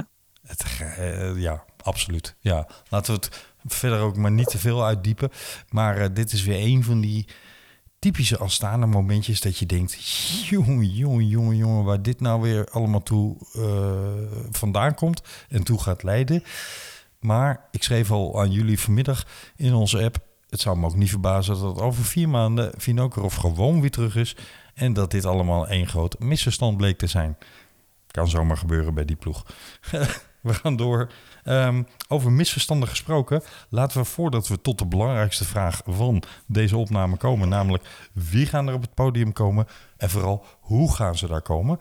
Daar komen we zo op, mannen. Wil ik even kort stilstaan bij iets waar Jeroen ons op wees. Er is een nieuw boek verschenen en daar heeft de grote zwijger het zwijgen doorbroken. En dan heb ik het over een boek wat gaat over de Rabo-ploeg. En waarin Jan Raas aan het woord gekomen is. De man die toch al 15 jaar hardnekkig zijn mond dicht hield over het wielrennen. Kan jij iets meer vertellen, Jeroen? Je hebt het boek in huis, hè? Ik heb het, ja, ik heb het boek gisteren, eh, gisteren opgehaald bij de lokale boekhandel. Zoals dat tegenwoordig uh, zo mooi hoort te gaan. Goed gedaan. En uh, Laat ik eerst wel beginnen met het, met het benoemen van de, van de schrijver, Maarten Koolsloot. Uh, is een sportjournalist, mm -hmm. die onder andere voor de NOS werkt en voor Radio 1. Maar uh, in, dit, uh, in dit boek gaat hij eigenlijk gaat hij de hele periode van Rouwbank van 1996 tot 2012 gaat hij, gaat hij door, doorlichten. En hij spreekt met gigantisch veel mensen. en in die hele berg met mensen heeft hij het dus voor elkaar gekregen om Jan Raas weer op de praatstoel te krijgen. En uh, Jan Raas die, uh, die deelt ook echt persoonlijke, persoonlijke dingen. Uh, faxen, e-mails. En die geeft ook echt wel, echt wel zijn visie, als het goed is, in het, in het boek. Op, op waarom, hij, waarom hij vertrokken is. En ja, dat, dat is wel een smeuig iets, ja. Mm -hmm. Ik uh, vind het absoluut applaus waard dat hij uh, Raas aan de praat heeft gekregen. Uh, of, of tot meewerking, medewerking heeft gekregen. Ik ga het boek ook zeker halen. Want ik zit hier al jaren op te wachten. Ik hoop dat dit mm, toch ook wel het definitieve verhaal van Jan Raas is. dat niet nu blijkt dat hij de helft over 20 jaar pas vertelt, weet je wel. Maar dat zullen we nooit weten. En ik ben wel heel benieuwd. Ik ga hem absoluut lezen. Dus uh, ja, leuk, uh, leuk een, knappe prestatie uh, dat die Raas als een van de mensen aan dat boek heeft laten meewerken. Ja, het is, dat is het ruim 350 pagina's. Dus dat is, voor, dat is gewoon een, een, leuk boek om in je vakantie even door te, door te, te fietsen, om er maar even een metafoor in te gooien. En dan moet je ook nog de Tour en het EK kijken. Ik weet niet hoe lang jouw vakantie is, maar ik red dat niet hoor. Mijn vakantie is in, mijn vakantie is in augustus, dus dat moet goed komen. Oh ja, nee, oké. Okay. Dat, is een ander verhaal. Dat is een ander verhaal. Hey, uh, dit was een omleidende beweging richting toch ja, wat de relevante vraag van deze podcast is. Namelijk... Wie gaan er op het uh, podium van deze Tour de France 2021 eindigen? En ik wil eigenlijk even beginnen, mannen, met heel kort alleen maar de namen. En we gaan het daarna hebben over hoe komen ze daar. Begin bij jou, Wesley. Begin maar bij drie en eindig je bij één. Uh, uh, Carapaz, Pogacar, Roglic. Jeroen? Oran, Thomas, Roglic. Oké, okay, oké. Okay. Ik moet je bekennen, Wesley dat ik precies hetzelfde podium had opgeschreven op mijn voorbereidingsplaatje als jij opnoemde. Carpas, Pogacar, Rokla. Maar dat ik bij mijn introductie een hartstochtelijk pleidooi deed voor Wilco Kelderman. En dus nu ook de escape inzet Wilco Kelderman op drie. En uh, daarmee uh, tot Kelderman, Pogacar, Roglic kom. Maar het is volgens mij voor iedereen van ons... Uh, we hebben alle drie Roglic op één, hè? En, ja. En, en, ja, dat is geen toeval. En dat, dat gaat geen automatisme zijn. Uh, hè? Dat is geen gesneden koek, laten we het zo zeggen. Ik wil dat even inleiden richting de luisteraars. We hebben vorig jaar al uitgebreid bij uh, van alles en nog wat over de Tour stilgestaan. Waar ging dat fout, waar ging dat goed? Uiteindelijk denk ik dat we moeten zeggen dat Roglic een tegenvallende tijdrit reed. En dat Pogacar met name een hele meevallende tijdrit reed. En dan druk ik het even eufemistisch uit. Het grote vraagteken bij Roglic was een beetje altijd de derde week, waarin hij verslechtert. dat hebben we in de Giro gezien. Dat hebben we zelfs afgelopen Vuelta nog gezien, waarin hij uh, ter nauwe nood aan het rood kon vasthouden om de eindwinst te grijpen. Hè, Carapaz die hem uh, stevig onder druk kon zetten. Maar dit jaar hebben we voor het eerst iets anders gezien ten aanzien van hoe Roglic een ronde, weliswaar van de week, gewonnen heeft. Maar toch, waarbij hij de aanval zocht en waarbij hij Pogacar onder druk ging zitten en waarbij hij en, en liet zien door, door koers inzicht te hebben um, ja, dat, dat, hij, dat hij een koers kan winnen tegen zeg maar de, de overmacht in, om het maar even zo te noemen. Want dat was een rondje waarin UAE volgens mij tot dan aan de leiding ging en eigenlijk ook wel de sterkste ploeg in koers was, zo leek het. Dus ik heb hoge verwachtingen van wat Roglic kan gaan doen ten aanzien van de chaos die die zou moeten hebben om, ja, om, om het anders te doen dan vorig jaar. Want vorig jaar is een experiment wat, wat vanuit Jumbo-Visma afgesloten is. Gaan we niet nog een keer doen, heeft de ploegleiding gezegd. Zijn jullie met me eens dat dat waarschijnlijk niet een stramien gaat worden voor Jumbo-Visma deze Tour? Nou, dat gaan ze, dat gaan ze sowieso niet doen. En dat, dat, daar zijn ik zelf niet sterk genoeg voor. Ik denk Van Aard minder is. En ik denk dat er staan vraagtekens achter Kruiswijk en Koes ze zijn gewoon niet zo zeker van, van het niveau als, als vorig jaar. Want daar, daar domineerden ze de Tour de Lente en de Dauphiné. Daar waren ze ver uit het sterkste. En maar dan ook echt ver uit. Mhm. Dus dat zijn ze nu niet. Ze kunnen er niet, nu niet simpelweg van uitgaan dat ze het sterkste, sterkste team hebben. Ik denk wel dat ze er van uitgaan dat Roglic het sterkste renner is. En om hem in de positie te krijgen waar hij in kan floreren, dan moeten ze niet zoals vorig jaar gaan rijden, denk ik. Nee. Ben je dat ook eens, Jeroen? Mhm. Oké.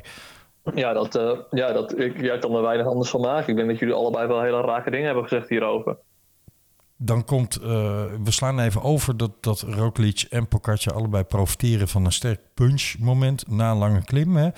Um, maar dat we dat eigenlijk maar heel weinig hebben in deze Tour. We hebben maar drie aankomsten bergop. Dus daar gaan ze de winst niet pakken. Het zal van een iets ander stramien af moeten gaan hangen. Dan gaan we even naar Pogacar kijken. Want ja, waar heeft hij vorig jaar de Tour op gewonnen? Nou, in feite op zijn gele trein. En het feit dat hij een buitengewoon sterke slot tijdrit had. Heeft hij dit jaar al overtuigd in de tijdritten? Nou, heeft hij al verschil kunnen laten zien doordat je zegt, nou kijk, die, die tijdritwinst in de Tour van 2020 was geen incidentele situatie. Hij is goed in tijdrijden, maar dat was niet een over jezelf uitstijgen moment. Nee, hij heeft die progressie doorgezet. Ik heb het nog niet heel veel gezien dit jaar in de tijdrit. Hij is niet slecht, dat zeg ik niet. Maar hij heeft nergens super op uh, gedomineerd. Zoals hij dat vorig jaar in de Tour eindtijdrit op La Planche wel deed. Ja, zeker. De, tijd, de, de tijdritten die hij dit jaar gereden heeft... en eigenlijk altijd rijdt... zitten redelijk op hetzelfde niveau. Hij rijdt nu gewoon zoals hij voor de Tour de France vorig jaar zijn tijdrit reed. En dat is gewoon een heel hoog niveau. Ja. Maar ja, net onder de wereldtop, zeg maar. Ja, of er tegenaan, maar niet te ver overheen. Ja, hè, precies. Nee, um, maar in de, in de Tour van vorig jaar was dat, degradeerde hij de absolute wereldtop. Ja, niet voor niets. Ja. Tom Dumoulin toen van... Uh, op, met deze manier van rijden en met, met hoe dit gegaan is, had hij mij in Bergen, het WK tijdrijden waar Dumoulin wereldkampioen werd, had hij me ook op meer dan een minuut gezet. Hè? Dat was zijn conclusie toen. Nou, dat is niet meer de conclusie ja. over het tijdrijden voor dit jaar. Nou, ik denk ook dat hij heeft weliswaar een heel sterk team mee, maar hij heeft vooral heel veel jongens mee voor in de bergen. En uh, hij heeft eigenlijk, uh, Mikkel Bjerg is drievoudig belofte wereldkampioen tijdrijden. Ja, die kan natuurlijk, die zal hem goed uit de wind kunnen, kunnen houden. Maar er zijn best wel relatief veel vlagge etappes. En hij heeft eigenlijk vooral klimmers mee. Uh, Vegat Staken Lengen, die is ook mee. Die ken ik niet heel goed. Maar dat lijkt mij zeg maar, een vriendje. Sorry? Rafa Maika. Ja, maar Maika die is natuurlijk voor, eh, voor in de bergen. McNulty is voor in de bergen. Formelo is voor in de bergen. Ja. Uh, Hirschi, weliswaar, valt misschien een beetje tegen. Maar die zou ook in de bergen het moeten kunnen doen. Dan heb je Rui Costa. Die kan een beetje het glooiende aan. Maar dat is ook wel een, een mannetje met een ego volgens mij. En ik denk dat Lengen dat hij uit, het, uit de stal van Christophe komt. Dus die zal waarschijnlijk wel op het vlakke goed uit de voeten kunnen. Bjerg is net zo goed. Maar voor de rest vind ik het wel een beetje een, beetje goed, een beetje breed ingezet op de bergen. Terwijl er relatief weinig bergen in zitten. En, dat, en dat, dat verbaasde mij, Jeroen, over... Ehm, ze hebben natuurlijk vorig jaar de conclusie getrokken... we hebben gewonnen, maar op welke manier? En daar zaten toch wel een aantal toevalsfactoren in. We moeten de ploeg versterken. En dus zijn ze gaan inkopen, gericht op een tour zoals die van vorig jaar. Alleen de Tour van dit jaar is niet de Tour van vorig jaar. Sterker nog, de Tour van dit jaar heeft een toch wel zeer ander parcours dan de afgelopen jaren de Tour geweest is. En dus hebben ze eigenlijk een, nou, ik wil niet zeggen verkeerde ploeg, maar een ploeg die toch lijkt het speerpunt op het verkeerde terrein in deze Tour te hebben. Ben ik helemaal met je eens. Dus, ja, daarom heb ik, ook niet, heb, heb ik hem ook niet op het podium gezet uiteindelijk. Nee, en dus, dus uh, hoe gaat Pogacar de Tour winnen? Nou, niet op de manier zoals hij het vorig jaar gedaan heeft. Dus dat is ploeg 2 die het anders moet gaan doen. Ja, ik denk alleen niet dat we het herstel van Pogacar moeten onderschatten. Want de enige verklaring die ik kan bedenken is dat hij zo goed herstelt... dat hij eigenlijk bijna beter wordt in een grote ronde. En daardoor zijn tijdrit zo goed was eh, op de, op de allerlaatste dag van vorig jaar. Zeker, maar wat ik bedoel te zeggen is... we hebben dit jaar wat minder bergen, uh, minder ritten aankomsten bergop. We klimmen volgens mij überhaupt minder kilometers. Maar er zijn een aantal etappes die over een kool heen gaan met een afdaling. En, en dat soort etappes is belangrijk dat je nog wat mannetjes om je heen hebt. Rijden ze namelijk bij je weg, moet je dat kunnen counteren. Dan kan hij alles wel in zijn eentje willen doen. Maar dat zagen we dus dat zagen we in de ronde van Baskeland misgaan. Want daar werkte de ploegtactiek niet goed. En, en zat hij op een gegeven moment geïsoleerd. Hij reed weliswaar voor McNulty als kopman hè, op papier. Maar hij moest te lang wachten. Hij zat op een gegeven moment geïsoleerd. En daar kon dus uh, profiteren.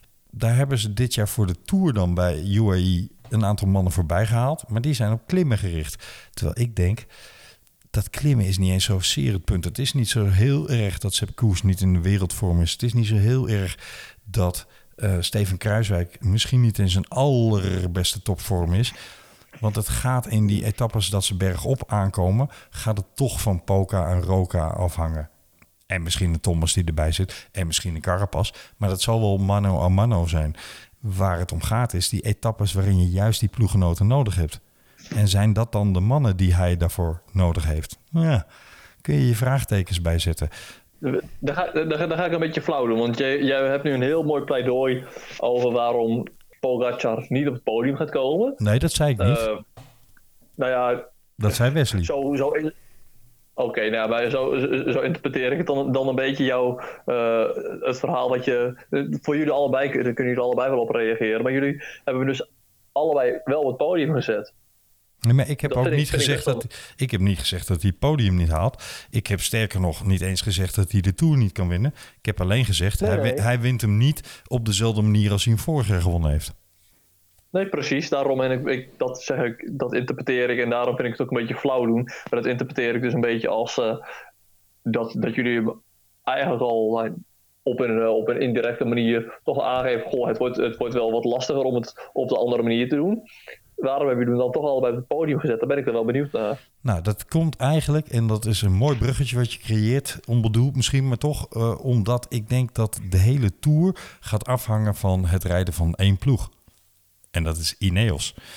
En wel hierom, zou de Cotenby vroeger hebben gezegd, Ineos heeft alsof de tridenten van Movistar jarenlang buitengewoon succesvol was, bedacht dat ze misschien wel met vier beschermde renners naar de Tour kunnen gaan.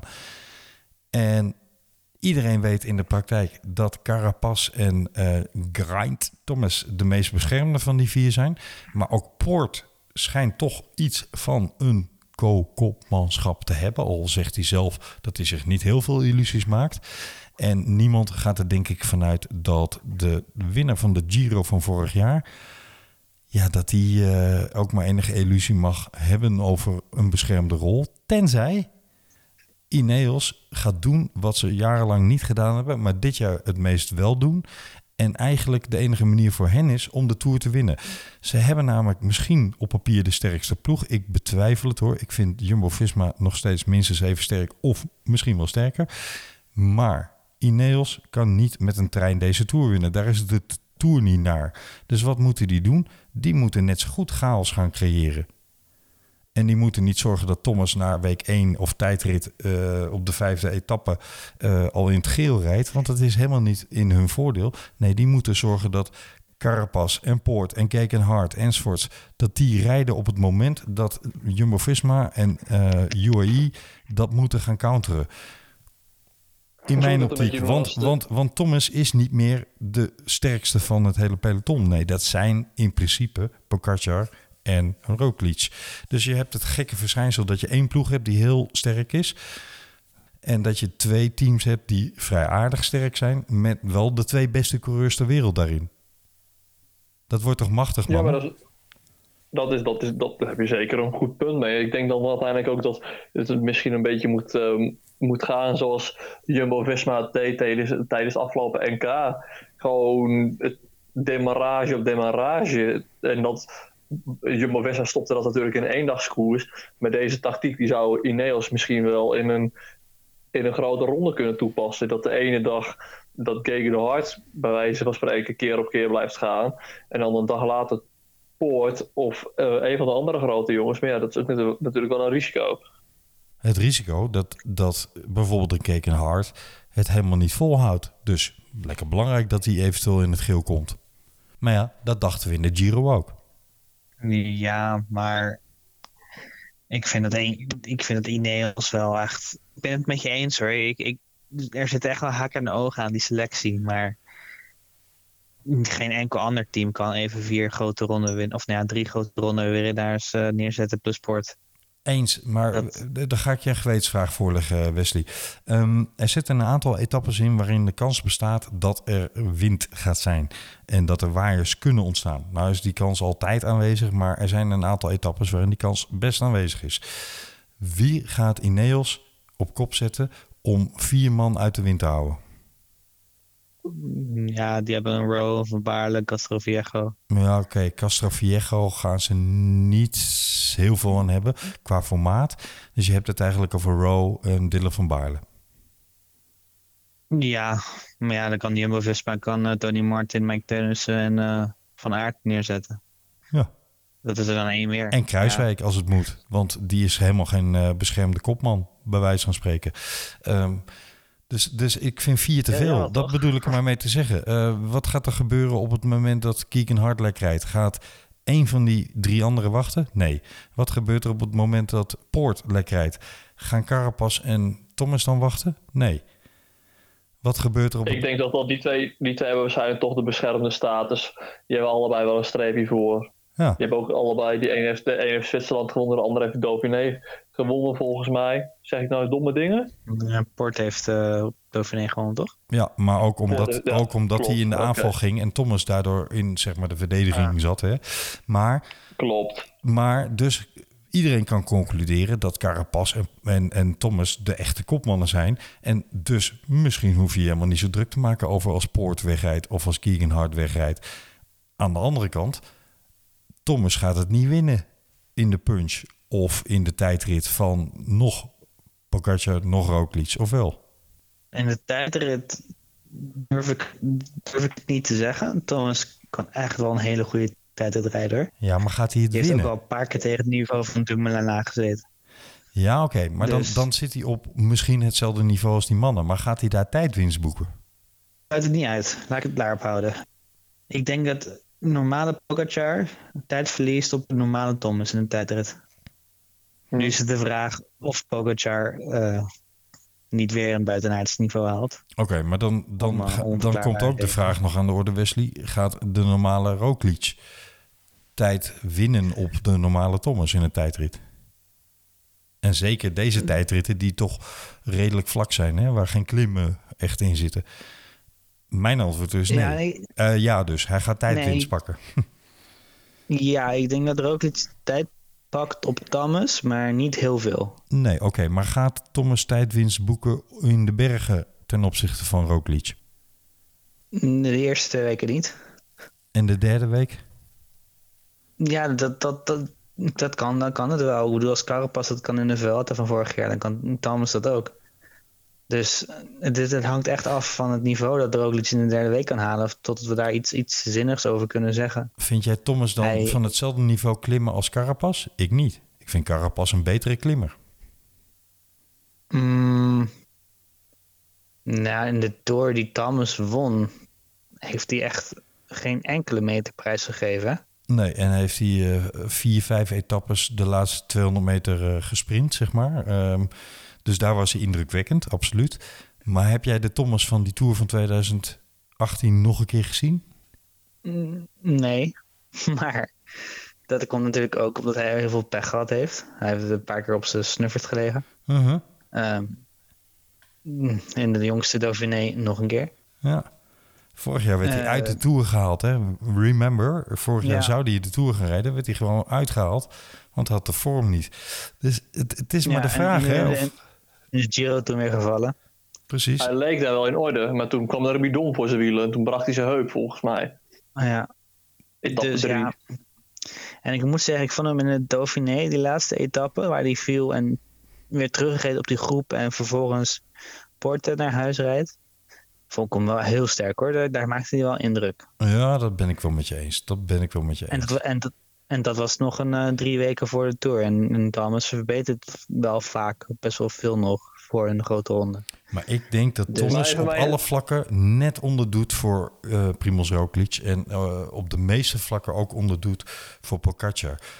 En dus zal in mijn optiek, maar corrigeer mij als jullie er anders naar kijken... of, of benoem vooral als je er anders naar kijkt... dus zal het bij Ineos vooral gaan afhangen van de ploegentactiek. En laat Ineos daarna altijd heel sterk in zijn... die zullen chaos moeten creëren. Maar dan hebben we volgens mij al drie teams die eigenlijk... ja, liever niet de verantwoordelijkheid van de koers op zich willen hebben... en liever niet hun manschappen aan het front hebben rijden... om een kopman uit de wind te hebben. Het wordt bijna een soort strijd van wie er niet op kop hoeft te rijden. Ja, ik denk dat ze in deze zin dat Ineos, dat hij toch nog wel heel erg eh, de betreurde eh, Nicolas Portal mist. Want dat Zeker. was volgens mij, dat was toch wel een beetje ook het, het tactisch meeste brein van, Ja. die, van die ploeg. En die is, natuurlijk, eh, die is natuurlijk kort voordat corona het hele wielrennen stillegde. Toen, eh, toen, heeft, eh, toen heeft Portal, die heeft, die heeft helaas een hartaanval gekregen. Waardoor die, waardoor die ja, gestorven is. Maar ik denk dat we dat ook niet moeten onderschatten. Dat, vind nog maar zo'n zo'n tactisch meesterbrein terug in je, in je ploeg. En ik denk als je Portal in deze situatie erbij had gehad, ja, dan was waarschijnlijk Ineos, die had hier, eh, die had hier echt hele grote dingen kunnen doen. En nu is het toch wel iets meer open spel, denk ik. Het wordt in ieder geval, vind ik, super interessant om, om ook al is dit parcours misschien niet het allerspannendste tourparcours alle tijden, maar ik denk dat doordat je drie ploegen hebt die eigenlijk met alle drie een ander soort tactiek deze tour moeten winnen, ehm, als ze hem willen winnen, dat je daardoor een hele verrassende en hele open aanvallende tour kunt krijgen. En ik heb er echt weergeloos veel zin in. Misschien zeg ik nu iets heel gewaagds, maar kan wel eens de factor Ellen Piper de doorslag geven. En welke situatie zou dat dan zijn? Dat waar we in het begin van deze uitzending over hadden, namelijk dat Mark Hirschi nog geen deuk in de pakje boter gereden- heeft, dat Ellen Piper zo'n figuur is die zo'n man wel aan het rijden kan krijgen.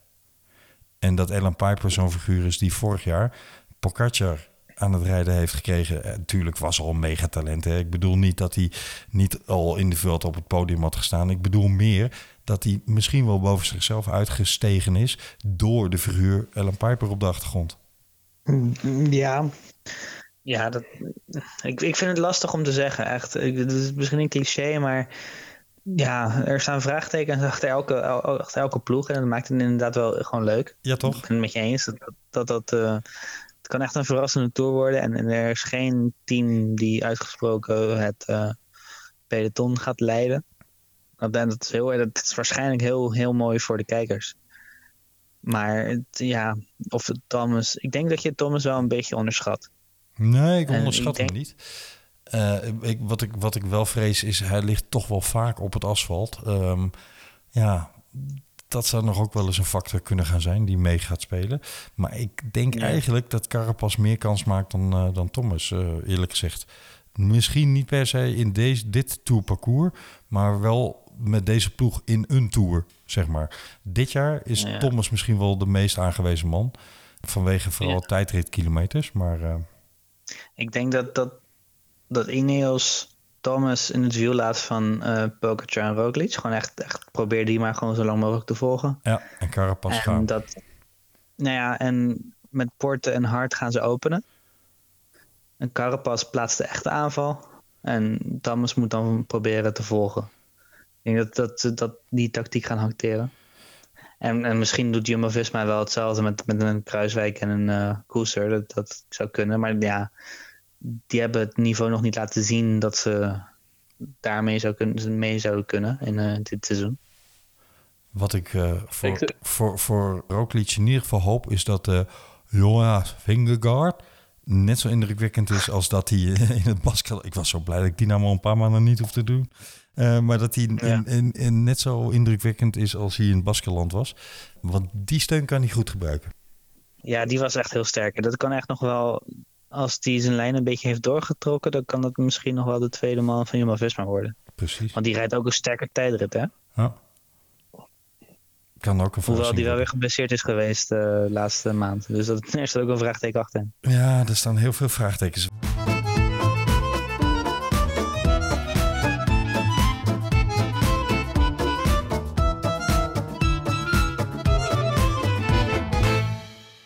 Wat ook een vraagteken is, jongens, als we even doorgaan naar wat ik het laatste bespreekpunt zou willen benoemen, is wie wordt het sprintkanon van deze tour?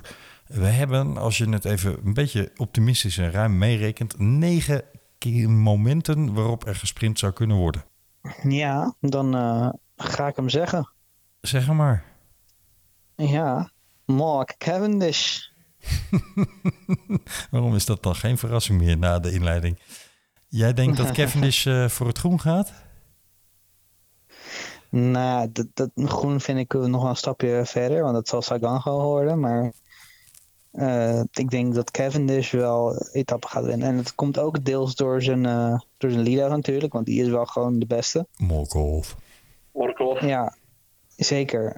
En ik bedoel, in de Ronde van België klopte Cavendish Ewan gewoon. Hè? Een, een heel duidelijk duel. Fair duel. Was Cavendish gewoon beter. Heb je Kevin in je ploeg? Uh, durf ik even 1, 2, 3 niet te zeggen, maar volgens mij wel. Als je erover twijfelt, is het ook niet van harte. Uh, jij zegt Kevin in etappe. Wie pakt het groen? Zei je al, als ik kan. Ja. Wordt er een, een, een, een, een Ewan-achtige situatie waarin iemand twee of drie etappes wint, maar niet voor het groen gaat? Dus domineert er nog iemand anders in de sprint? Of waren dit de namen om op te letten? Ja, nee, heeft wel dus laten zien dat hij de beste sprinter is. Nauwelijks geklopt, behalve dus door Cavendish en Van Aert een keer. Ja. En het Tirreno was dat. Dus ja, als er één iemand gaat domineren, dan zou dat wel Ewan moeten zijn. Maar het, het, verbaast me echt niet als het Cavendish wordt. Want die zit echt in een stijgende lijn. Echt, die blijft maar stijgen. En als die ja, op zijn topniveau, was, we hebben, wij hebben allemaal geen betere sprinter gezien, denk ik. Uh, nee, ik hou alleen niet van de smerige trucjes die Kev altijd uitgehaald heeft. Um, Tom Velers kan er volgens mij over meepraten. Maar um, qua sterkte denk ik dat ik je wel gelijk moet geven. Jeroen, wie heb jij uh, voor de sprint prominent opgeschreven? Ja, ik denk dat Caleb Ewan de meeste sprintetappes gaat winnen. Ik gun het Mark Cavendish van harte. Het zou al een topprestatie zijn als hij er eentje pakt. Maar ik zie toch de meeste sprints zie ik nog wel door Caleb Ewan gewonnen worden. Uh, ik zie Caleb Ewan overigens de Tour niet uitrijden. Omdat hij natuurlijk bezig is met zijn, uh, met zijn missie om in elke grote ronde minimaal één etappe te winnen. Mm -hmm. Dus ik denk dat Ewan dat hij twee, drie etappes pakt. En dat hij dan halverwege de Tour zegt... Jongens, Toedels. bij wijze van spreken... Mol van Toe heb ik geen zin in. Veel plezier ermee. Ik ga wat anders doen. Ja, dat is wel een mooi uh, moment hoor. Ik, ik snap dat wel dat hij daar geen zin in heeft. En dan nog twee keer ook. ja. Nee, daarom. Dus ik kan me heel goed indenken dat hij, dat hij daar zegt... jongens, ik heb er geen zin in. En dan denk ik... Uh, Sagan die gaat weliswaar voor de achtste gele, uh, gele trui, wou ik zeggen. Voor de achtste groene trui, laten we dat, dat doen. Dat is iets realistisch bij Sagan. -hmm. uh, maar ik denk dat die achtste er niet gaat komen dit jaar. Ik denk dat die toch gaat naar de huidige man in vorm. De Italiaanse kampioen Sonny Cobrelli. Die ja. zie ik groen pakken. Mooie keus. Ja, ik ben blij dat jij hem noemt, want dat was nog voor mij een beetje een moreel dilemmaatje. Uh, want ik, ik, wil ook dan iets anders dan Cavendish benoemen. Dus jij hebt Cobrilli al mooi afgevinkt. Uh, andere vraag, gaat Tim Melier een etappe winnen, Jeroen? Dat denk ik wel. Ik wilde er eigenlijk, ik wilde hem openlaten voor jou. Helemaal toen jij zei van, oh, maar de grote jongens zijn al benoemd. Bijna allemaal. Ik heb inderdaad snel, de snelste man, denk ik, de Juwen en daarna Tim Melier. En ik denk dat Tim er zeker eentje gaat pakken, ja. Yes, Tim Melier dus een etappe. Ik geloof er ook wel in. Zeker ook omdat ik uh, zijn ploegleider Roodhoofd bij, uh, in de tribune podcast hoorde zeggen... het doel is echt de Tour uitrijden. En het doel is minimaal één etappe. Dus um, die gaat niet zo snel afstappen. Dat, uh, die, die zal hardheid moeten opdoen. Uh, weet je wie ik jullie helemaal niet heb horen noemen... en waar ik persoonlijk wel heel erg in geloof... wat betreft het groen... Arno de Maar? Zeker, ja. Welke? Want je hoorde twee namen. Oh, nee, ja, Arno de Maar. Ik, uh, ik geloof absoluut in de Maar, voor wat betreft het groen. Oh, absoluut. Snap ik, snap ik. Ja, hij heeft nog nooit een etappe gewonnen in de Tour, toch? Of wel? Nee, de Tour niet, maar in de Giro wel. Vier stuks. Kitchang. Ja, maar dat telt niet. nou, trouwens, nee, heeft hij in de Tour niet gewonnen die etappe dat Sagan en Cavendish gedisqualificeerd werden? Toen won Demar toch, of niet? Ben ik nog ik? Nee, nee geen Tour-etappes voor Demar. Nee, weet die tweede. Wie won dat toen nog wel ook alweer? Nou, maakt niet uit. Nee, ja, ik, ik, maar je hoeft ook niet per se een toeretappe te winnen om het groen te pakken, hè? Nou ja, daar heeft, nee, daar heeft Kev uh, ervaring, of daar heeft uh, Sakan ervaring mee, dus ja. Nou, ik, denk, ik bedoel meer te zeggen dat Themar zich, dat wil echt een etappe winnen. En, en, ik denk dat hij niet zich kapot gaat sprinten bij de, bij de tussensprint. En dat nou. hij zich niet in de, in bergetappes gaat storten om een paar puntjes. Er, hij, gaat, hij wil gewoon een etappe winnen. Ik denk dat dat zijn prioriteit is. Dat is zeker zo. Maar daar heeft hij in de eerste week ook wel uh, de mogelijkheid toe om te kijken waar hij staat. En stel dat hij na de eerste week tot de conclusie komt dat Ewan bijvoorbeeld toch echt de hogere absolute topsnelheid heeft. Dan zou zijn doel zomaar kunnen veranderen. En ja, ik zie hem er wel vooraan om uh, niet in de bergetappes. Maar wel om ook in die tussensprint zich erin te mengen. Waarom niet? Ik denk dat hij het niveau ja. van Sakan kan hebben. Ja, dat ja. is snelheid zeker. En hij is ook niet heel slecht als je zijn laatste wedstrijden zo bekijkt. Nee, daarom. Dat hij, uh, hij heeft uh, de laatste drie etappekoersen waarin hij heeft gereden, heeft hij elke keer minimaal één etappe gepakt. Ik geloof er wel in. Maar misschien is dat tegen beter weten in hoor. Of is dat het tikkie romantische in mijn uh, Scorito poeltje. Mannen, ik denk dat we er wel eens een beetje zijn wat betreft deze tour. We moeten nog beginnen, maar wij zijn er al. Toch? Of hadden jullie nog een slotopmerking toe te voegen? Durven jullie het aan om een uh, wetje te leggen op, op een overwinning van Cavendish? Jij met je Cavendish. Ja, ik, heb je aandelen ik, of zo? Wat zeg je? Ik zeg, jij met je Cavendish heb je aandelen. nou, voor, nee, voor zo'n jong iemand heb je toch een hele ouderwets romantische uh, ziel. Dat je aan het verleden blijft vasthangen, Wesley. nee, ik, ik kraak alle. Ik kraak echt, al heel het jaar kraak ik alle tradities af. Behalve Cavendish. Remo, Champs-Élysées. Behalve Cavendish. Ja, precies. Nee, één etappe van Cavendish geloof ik ook zeker wel in. Helemaal ook door de factor Morkov. En ik heb ook volgens mij wel eens gezegd dat dat ik echt denk dat een goede lead-out dat dat ontzettend veel kan doen voor een, voor een sprinter. Mhm. Nou, en wie kan je beter hebben als lead-out dan Morkov? Dus ik denk dat één etappe, dat kan, dat kan zeker. Alleen als je gaat inzetten op, nou we gaan even iets, iets geks roepen, het record van Merckx breken. Hè? Dat betekent dus vijf etappes winnen, vier of vijf. Vier om te evenaren. Die, eh, nee, dat gaat er niet worden. Maar, no uh, way, José. Nee, één etappe, dat wil ik nog wel geloven. Dus weet je daar je weddenschap uit moet bestaan? ja, vier. Nou. Als je er zo hard in gelooft dat je hem al vier keer loopt te pushen, dan moet je ook vier etappes zeggen, Wesley. nou, minimaal twee. Twee. Minimaal, oké. Ik, zeg, ik zeg eentje. Daar wil ik best wel iets, uh, iets op, uh, op verwedden. Oké, dan moet jij nu, weet je. Jeetje, dan moet, ik, dan moet ik wel voor heel negatief gaan. Ik zeg nul. Noodgedwongen door jullie hoor. En de, en de winnaar krijgt, uh, krijgt een, uh, Bakje bier? Of, uh, ja, dat is een mooie. Ik heb een, mooi, ik heb een mooie fles Amarone staan. De winnaar krijgt een fles Amarone. Ja, ook mooi. Jongens, dit was hem wat mij betreft. Beste luisteraars, dank voor jullie lange zit en uh, meeluisteren. En we hopen dat jullie uh, uiteraard genoten hebben. Vind je nou dat wij iets gezegd hebben waarvan je denkt, zo ontzettend mee eens?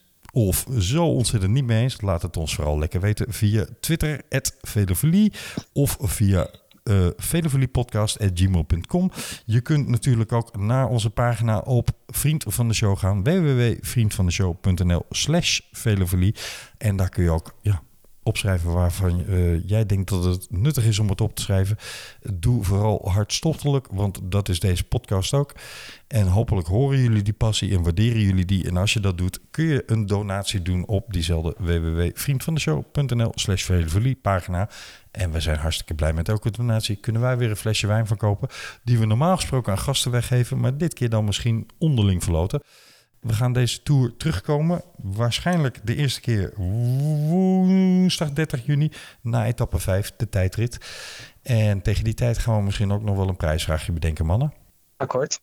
Ik heb, klinkt goed. ik heb zo gigantisch veel zin in het openingsweekend. Ik hoor het wel helemaal zo. Oh nee, er wordt niet gespeeld in de Tour. Dat is jammer. Maar ik zie wel de beelden al van Mathieu in het geel. En Poepoe op de achtergrond. Ja, heerlijk. We gaan het komen. En dan wil ik tot slot het allerlaatste moment van deze uitzending richten aan Michel Wuits. Want hoewel ik het ook nog wel eens hardgrondig met hem oneens ben... en ik hem af en toe ook wel eens beticht heb van iets te veel Woutmania... Uh, vind ik het een buitengewoon spijtige situatie dat Michel Wuits afscheid moet nemen van de koers. Deed me een beetje aan Mart Smeets denken bij de NOS. En het lijkt ook een beetje een opruimingsactie te zijn... Want hij had gehoopt met pensioen gaan prima, maar mag ik dan toch nog even 1 à 2 of 3 jaar doorgaan? En dat schijnt er helemaal niet in te zitten. En ik vind dat een triestig afscheid. En ik wil bij deze ook zeggen hoezeer ik van 20 jaar Michel Wuits heb genoten. Soms in goede zin, soms in negatieve zin. Maar dat hoort er absoluut bij. En hij heeft zich een vakman getoond waar ongelooflijk veel passie voor de koers in zit. En dat heb ik altijd in hem gewaardeerd. Michel, bedankt.